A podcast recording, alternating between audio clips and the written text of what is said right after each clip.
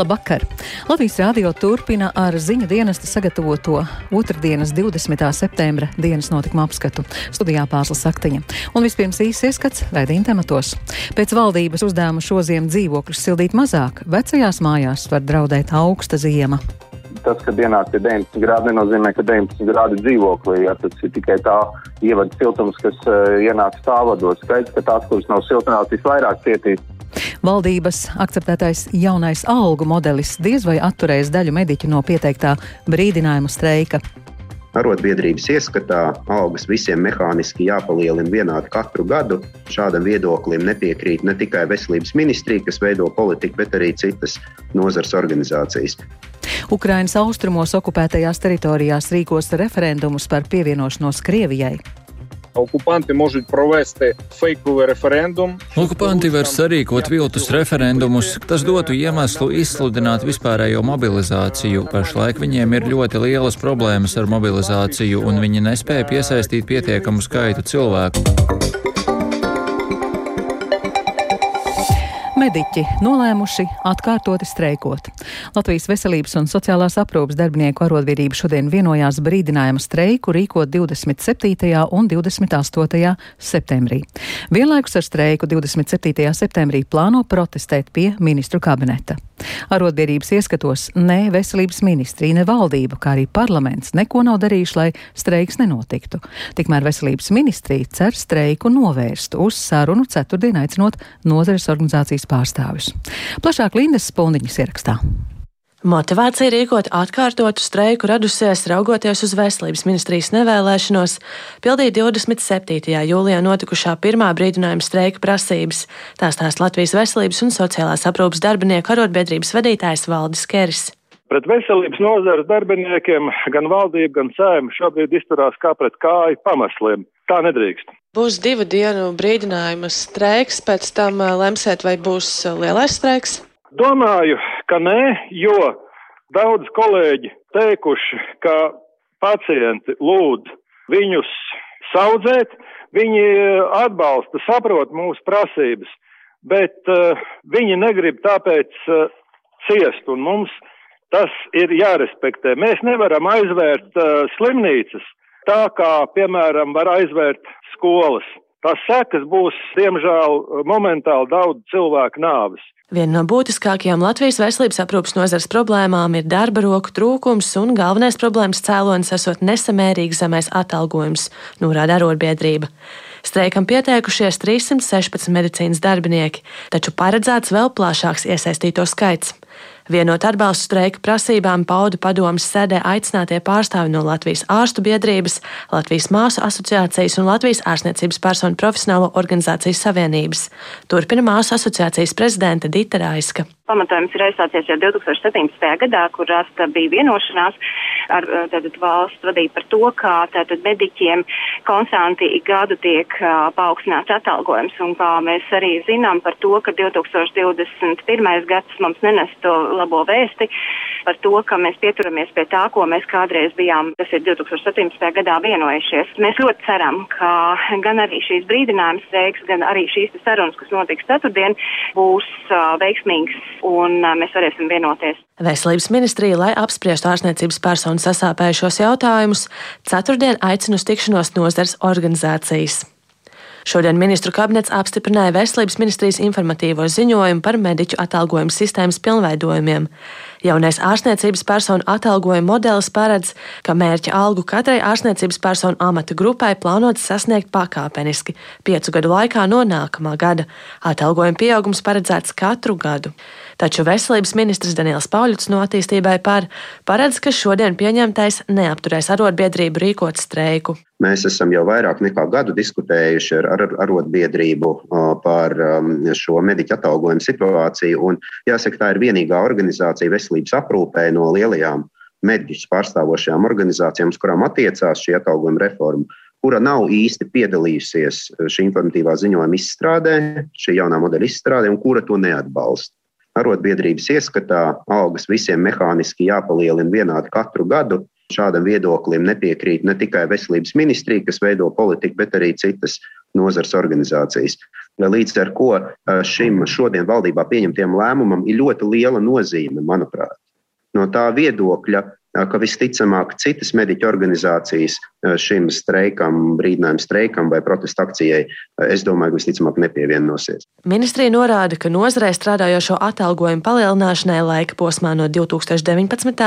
līdz 2022. gadam novirzīti vairāk nekā 364 miljoni eiro.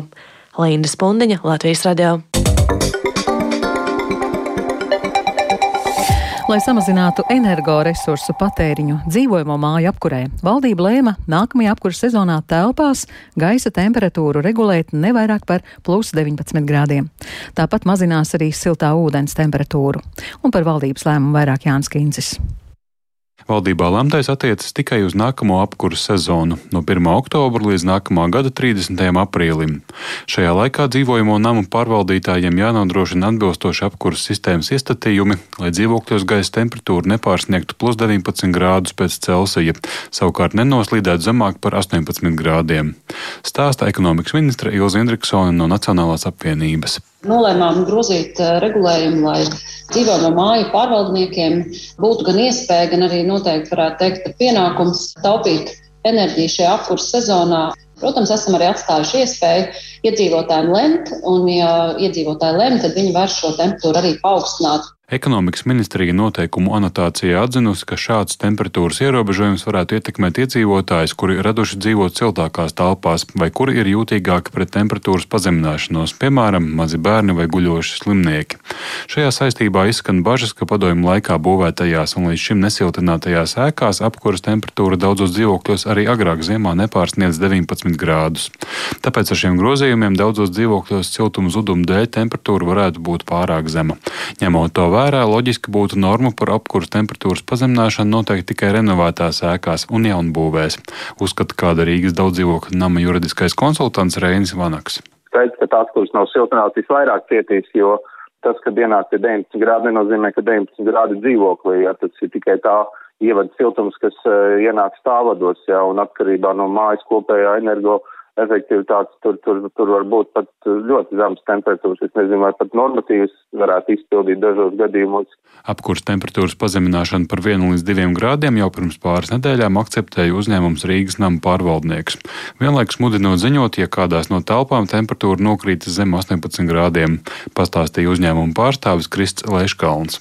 Tas būs salīdzinoši sarežģīts uzdevums, jo šīs ēkas ir vairumā gadījumā aprīkotas ar viensauruļu vertikālajām apkursu sistēmām, padomu laiku vēl, kurās arī kopš eksploatācijas ļoti bieži ir cilvēki veikuši izmaiņas, kas ir uh, darīts arī bez projektiem, nesaskaņojot, un pēc būtības mainot šīs te apkursu sistēmas uh, parametrus. Līdz ar to galvenais uzdevums būs nodrošināt to, lai visos dzīvokļu īpašumos būtu vismaz minimāla temperatūra, kādai ir jābūt. Vienlaikus ar grozījumiem noteikumos paredzēts šajā apkura sezonā nepiemērot prasību par karstā ūdens temperatūru izējā no siltummaiņas vismaz 55 grādu līmenī. Atbilstoši noteikumu izmaiņām pirms temperatūras pazemināšanas par to piecas dienas iepriekš būs jāinformē mājā dzīvojošie. Tajā skaitā par individuāli veicamajiem profilaktiskajiem pasākumiem leģionāru slimības baktēriju izplatības ierobežošanai. Jānis Kincis, Latvijas radio. Ja nebūs valdības atbalsta elektroenerģijas izmaksu kāpumam, ledus halles varētu slēgt. Elektrības rēķini ir četrkāršojušies un kļuvuši par nepanesamu slogu. Saimnes izglītības komisijas sporta apakškomisijas deputāti vēstulē valdībai lūdz steidzamu risinājumu. Uz valdības atbalstu cer arī ledus haļu asociācijas vadītājs Ēriks Miļons, ar viņu sarunājās Lindas Pundiņa lielākoties visām Latvijas ledus halēm ir ļoti liels izaicinājums cīnīties ar neloģisko elektroenerģijas kāpumu, kurš nu, ir katastrofāli audzis nu, līdz četrām reizēm, sākot no nu, marta rēķiniem. Kādus uh, risinājumus jūs saredzat, kā iziet no šīs situācijas? Nu, mēs, kā saka, esam griezušies visās iespējamās instancēs, izglītības ministrijā, saimas apakškomisijā, ekonomikas ministrijā, Ar šodien es piedalījos Saimas apakškomisijas sēdē, nu, kur zināmā mērā cerīgi video sarunā ar ekonomikas ministrijas pārstāvjiem, nu, kad uh, arī no viņu puses tiek meklēts risinājums, kā varētu palīdzēt, nu, ne tikai atsevišķi ledus halēm, bet arī noteikti arī basēniem un varbūt citiem lieliem elektroenerģijas patērētājiem, kuriem uh, sadārdzinājums ir izaudzis neloģiski dēļ elektroenerģijas kāpuma. Un priekšā vēl apkura sezona, un, protams, mēs ceram uz to risinājumu, ka kaut kādas subsīdijas pabalsti lieliem energo noņēmējiem, tādiem kā mēs, un līdzīgiem valdība atradīs līdzekļus, cik vien var ātrāk kaut kādu kompensēšanu no daļu. Nu, protams, mēs iesakam arī PVN atlaidi vai, vai, vai samazināšanu kaut vai uz laiku, jo tikai vien mūsu Volvo ledus halli PVN 24 tūkstoši nomaksā uz vienu elektrības rēķinu. Ja nesaņemsiet atbalstu, kāds varētu būt nākamais scenārijs? Jā, scenārijs ir bēdīgs. Mēs esam atbildīgi, un šobrīd mēs jau pēc loģikas mums vajadzēja būt ciet, mums, Mogohallai, arī dažām citām hallēm, arī pašvaldības hallēm, bet nu, mēs esam pagaidām ļoti atbildīgi pret saviem ledus noņēmējiem, kas ir bērnu vecāki, 90%, kuri nu, ir galvenie cietēji jau bijuši Covid laikā. Un ja šobrīd mēs vēl aiztaisīsimies ciet un viņi nedabūs iespēju normāli trenēties, atgūt to, kas ir nokavēts atšķirībā no citām tūmā esošām valstīm, kur nebija ciet Covid laikā halles un netika apturēts sports. Tāpat tās tas draud peldēšanai un visiem pārējiem, kas ir saistīti ar lieliem elektroenerģijas patērētājiem. Ja šis risinājums nenāks tik drīz, cik ilgi šādā režīmā ledus halas un tāpat jau iepriekš minētās asociācijas varēs eh, turpināt savu darbu? Neprognozējam. Nu, jebkurā dienā privātais uzņēmējs, jebkurš īpašnieks var pareiķināt, vai viņam ir vērts no citiem biznesiem ieguldīt, lai varētu uzturēt ledus kalus, un tāpēc jebkurā dienā var aiztaisīties, nebrīdinot to sabiedrību vairākas halas. Izglītības zinātnes un kultūras komisija šodien pirms galīgā saimnes lasījuma atbalstīja izglītības un vispārējās izglītības likuma projektu grozījumus par pāreju uz mācībām valsts valodā pirmskolā un pamatskolā sākot jau no nākamā mācību gada. Pārējai jānotiek trīs gadu laikā. Tiks izdalīts arī atsevišķs finansējums mazākumtautību bērnu interešu izglītībai, ja viņi vēlēsies padziļināt apgūt savu dzimto valodu un kultūru. Vairāk par komisijas sēdi Ievas Puķis ierakstā. Arvils Vašrādens par Rītvars Jansons. Pār. Revija Papula. Pār. Tagars Bikša. Pār. Jānis Cielēns. Pār. Normons Zinters. Pār. Edgars Kucins. Pārliecināti pret. Linda Medne. Par. Ivars Puga. Par. Ingon Rībena. Par. Ilgša Blinska. Par. Renārs Vilciņš. Būšu pret. Pret. Jānis Vucāns. Par. Par. Paldies, deputāti. Vairākums ir atbalstījis grozījumu izglītības likumā trešajam un galīgajam lasījumam, līdz ar to nododam saimai. Komisijas 13 dalībnieku vidū, balsojot par atsevišķām likumprojekta sadaļām, valdīja vienprātība. Atšķirīgas domas bija tikai diviem deputātiem - Edgaram Kucinam no Saskaņas un Aināram Vilciņam, kas šīs saimnes vēlēšanās startēja KPV LV rindās, bet 14. saimā balotējās kā suverēnās varas deputātu kandidāts. Uh, un ir viens no tautas kalpiem ar vidējo izglītību. Komisijas priekšsēdētāja Arvila Ašerādena vadītajā gala balsojumā notika tas pats. Edgars Kucins teica pārliecinoši pret, un deputāts Vilciņš, kas iepriekš lielākoties bija no balsojuma atturējies, arī paziņoja pret. Tomēr pārējie 11 komisijas deputāti stingri pauda, ka beidzot šāds vēsturisks lēmums ir jāpieņem. Jauna likuma norma par izglītības iestādes vadītāju ir tiesīga strādāt tikai persona, kura prot un lieto valsts valodu, izņēmuma gadījumi noteikti citos normatīvajos aktos, piemēram, saistībā ar divām uz starptautisku līgumu pamatdibinātām augstskolām. Edgars Kucins no saskaņas tieši par šo sadaļu bija visstriktākais. Uzskatu, ka tas ir e, būtiska cilvēktiesību pārkāpšana, tāpēc pret. Notika balsojums arī par to, ka strādāt par pedagogu ir tiesīga tikai persona, kura prot un lieto valsts valodu. Izņēmuma status piemērots to skolu pedagogiem, kas dibinātas uz starptautisko līgumu pamata, tāpat augstskolu ārzemju vieslektoriem. Komisijai tomēr vajadzēja izsvērt arī opozīcijā esošā saskaņieša Igora Pimenova priekšlikumu šos grozījumus atlikt uz trim gadiem, lai mīkstinātu šoku izglītības iestādēm un mazākumu tautību ģimenēm. To komentē Izglītības un zinātnes ministrijas pārstāvis Jānis Ozols. Pirmkārt, tas ir pretrunā ar likuma projektu mērķi un iekavē pārēju, un otrs ir tas, ka faktiski atsauc uz to, ka ir jāsagatavojas, nav pamatot, jo mums pārēja notiek un ir paredzēta pakāpeniski. Atbalsta pasākums skolniekiem pārejas periodā būs mazākumtautību interešu programma. Paredzēts, ka šādi no 2023. gada 1. septembra tiks mainīta pirmsskolas izglītības programma un arī programma 1, 4 un 7 klasē. Ar 2024. gada 1. septembri programma 2, 5 un 8 klasē, ar 2025. gada 1. septembri 3, 6 un 9 klasē. Ja skolēns izvēlas apgūt mazākumu tautību interešu izglītību, nodrošinās mērķdotācija, bet no 2024. gada tai paredzēts arī Eiropas Savienības fondu finansējums. Ieva Puķa, Latvijas radio. Ukrainas austrumos paši pasludinātās Tautas republikas ir izsludinājušas referendumus par pievienošanos Krievijas federācijai. Tie notiks jau šajā nedēļas nogalē, turklāt balsojums paredzēts rīkot arī uz laiku okupētajos Hersonas un Zaporīžas apgabalos. Ukrainas varas iestādes uzsver, ka šādi balsojumi nav likumīgi un tie neapturēs Ukraiņu spēku vēlmi atbrīvot savas teritorijas. Savukārt Krievija šos balsojumus varētu izmantot kā iegānstu, lai uzsāktu vispārēju mobilizāciju un pieteiktu karu. Vairāk stāstu Uģis Lībietis. Par to, ka uz laiku Krievijas okupētajās Ukrainas teritorijās pašpasludinātās Tautas republikas varētu rīkot balsojumus par pievienošanos Krievijas federācijai, tika runāts jau kopš brīža, kad Krievijas spēki sasniedz ievērojams panākums virzoties uz priekšu Ukrainas teritorijas iekšienē. Taču pēc tam, kad Ukrainas spēki sagrābtās teritorijas sāka atkarot, okupētajās teritorijās sākās kaut kas līdzīgs panikai. No sākuma septembra sākumā ieplānotie pseidu referendumi tika atlikti uz vēlāku laiku, tad no Krievijas puses izskanēja rosinājums plānojam šādu balsojumu rīkot novembra sākumā, bet tagad balsojuma datums nozīmēts jau šīs nedēļas otrajā pusē, no 23. līdz 27. septembrim. Par to šodien paziņojuši pašu pasludināto republiku vadoņi Leonīds Pašečņiks un Denis Pušīļins. Pēc Pušīļina vārdiem drošības nolūkos balsošana notiks gan vēlēšanu iecirkņos, gan dažādās citās publiskās vietās, tostarp apsteigājot vēlētājus. Arī Krievijas centrālā vēlēšana komisija jau ir paziņojusi, ka palīdzēs organizēt balsošanu arī Krievijas teritorijā.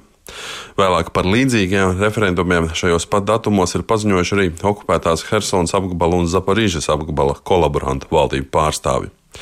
Un kā norāda Luhanskas apgabala militārās administrācijas vadītājs Serhijs Haidais, tā dēvēto referendumu izsludināšana varētu liecināt par mēģinājumiem aktivizēt mobilizāciju un pastiprināt kara darbību. Вони можуть просто окупанти можуть провести фейковий referendum. Okupanti var sarīkot viltus referendumus, kaut ko tur salipinās un pēc tam pasniegs šos rezultātus kā tādus, kuros ir redzama iedzīvotāju vēlme pievienoties Krievijas federācijai.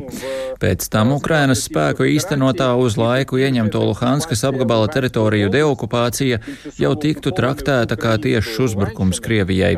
Tas dotu iemeslu izsludināt vispārējo mobilizāciju un pasludināt pasludināt karu.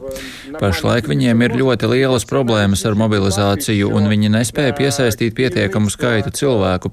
Par to liecina kaut vai tas, ka privātas militārās kompānijas Wagner vadība ir devusies uz cietumiem, lai varētu tur cilvēkus karam Ukrainā.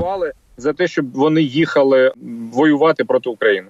Neoficiāli ir izskanējusi informācija, ka Wagner rindās gatavību karot esot izteikuši no 6 līdz 11 tūkstošiem cietumnieku.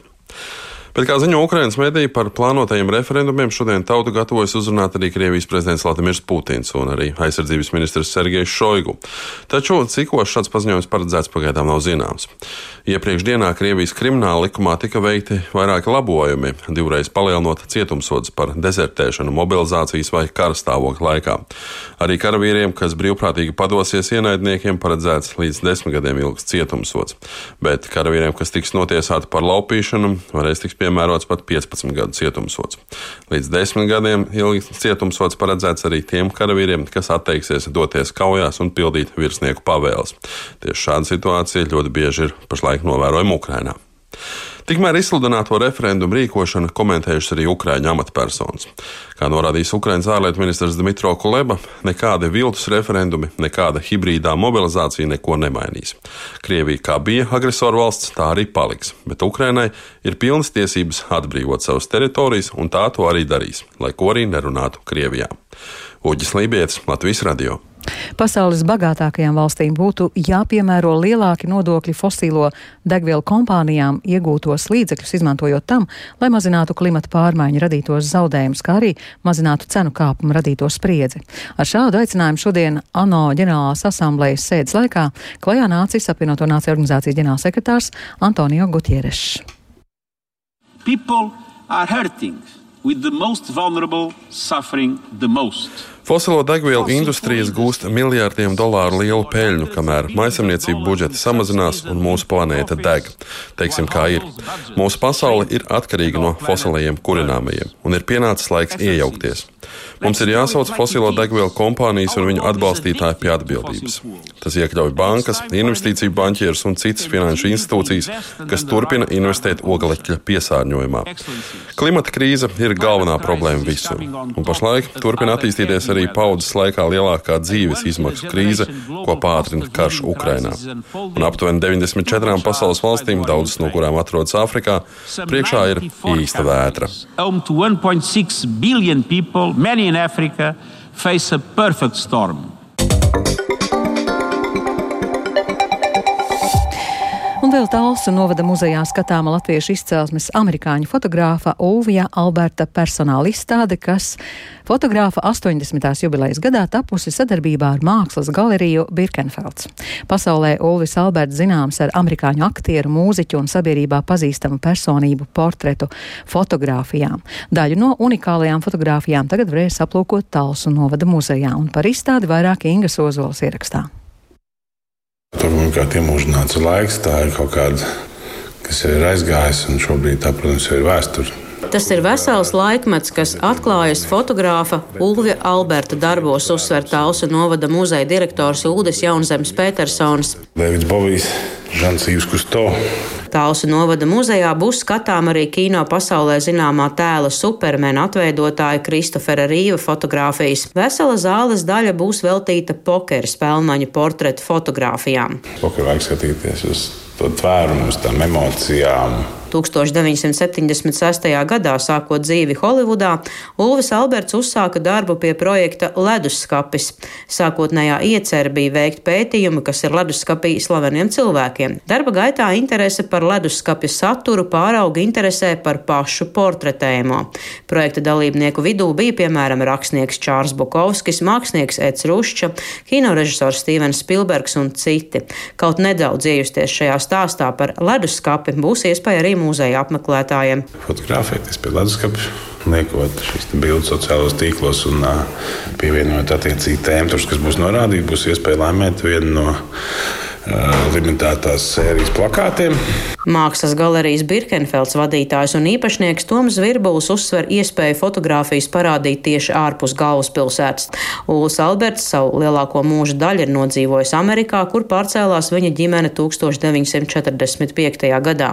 Fotogrāfa arhīvs glabājas galerijas Birkenfelds paspārnē. Toms Virbuls uzsver, ka fotogrāfs dzīvoja laikā, kad nebija iespējas fotografēt katram, kā tas ir šodien. Tāpēc fotografijām, kas nonāca publiskā telpā, bija īpaša nozīme. Viņam izdevās satikt cilvēku, kurš šobrīd tiek pieminēta nu, kā kaut kāda nu, mūzikas novirziena vai kinematogrāfiska ikonas. Džimijs Hendriks mūziķi, jā, 68. gadā viņš viņa unikālā koncertā Sietlā nofotografēja, kas izrādās bija viens no retiem viņa portretējiem. Andy Warhol, kas ir pazīstams popmākslas personība. Un ar to šis Latvijas būtībā bija unikāls. Izstāde Tausu novada muzejā būs apskatāma līdz 30. oktobrim. Tās atklāšana iecerēta šajā sestdienā, kad būs iespēja klātienē satikt arī pašu fotogrāfu Ulu Albertu Ingozola Latvijas radio kurzmē. Un ar to izskan dienas notikuma apskats. Producents Edgars Kupčs, ierakstus montēja Kaspars Grauskaps, par labskaņu rūpējās Mārtiņš Paeglis, ar jums runāja Pārslas Saktiņa. Tēlīs par svarīgāko. Mediķu arotbiedrība gatavojas brīdinājumu streikam. Mājās ar centrālo apkuri varēs taupīt energoresursus ar zemāku gaisa un siltā ūdens temperatūru. Ukrainas austrumos okupētajās teritorijās rīkos referendumus par pievienošanos Krievijai. Latvijas radio ziņām sekojiet arī Latvijas radio viens Facebook lapā un LSMLV. Klausieties mūs arī Latvijas radio mobilajā lietotnē. Yeah.